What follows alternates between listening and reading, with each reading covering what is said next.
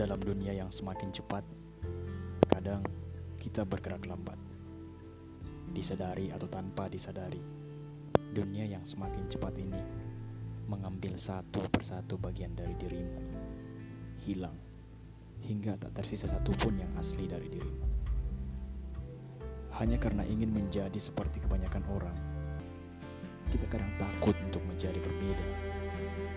Padahal, perbedaan adalah kekayaan, perbedaan adalah ciri khas, perbedaan adalah identitas.